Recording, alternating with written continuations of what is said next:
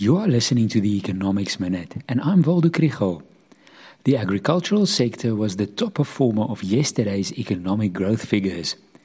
Agriculture makes up a small part of the economy in total, just 2% of GDP, but it contributed a third of the growth of 1.6%. The value of production grew by 19% in the third quarter.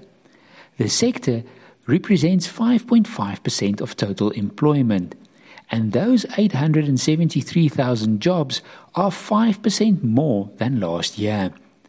It is specifically field crops, vegetables, and fruit that have contributed to the sector's resilience. The value of exports amounted to $8.9 billion in the first eight months of the year.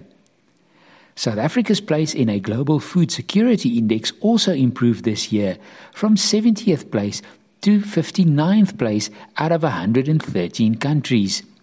We have the best food security in Africa. The index has four indicators, namely availability, affordability, quality, and sustainability. South Africa only fell back slightly on the affordability measure.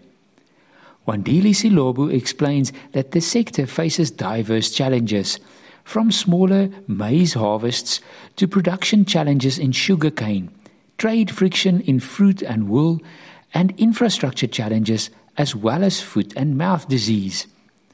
The outlook for 2023 has positive elements and challenges. On the one hand, there is the forecast of a good summer rain season, but on the other hand, there are rising input costs. On the policy side, there is great hope for the agriculture and agro processing master plan and for the reforms at the land bank.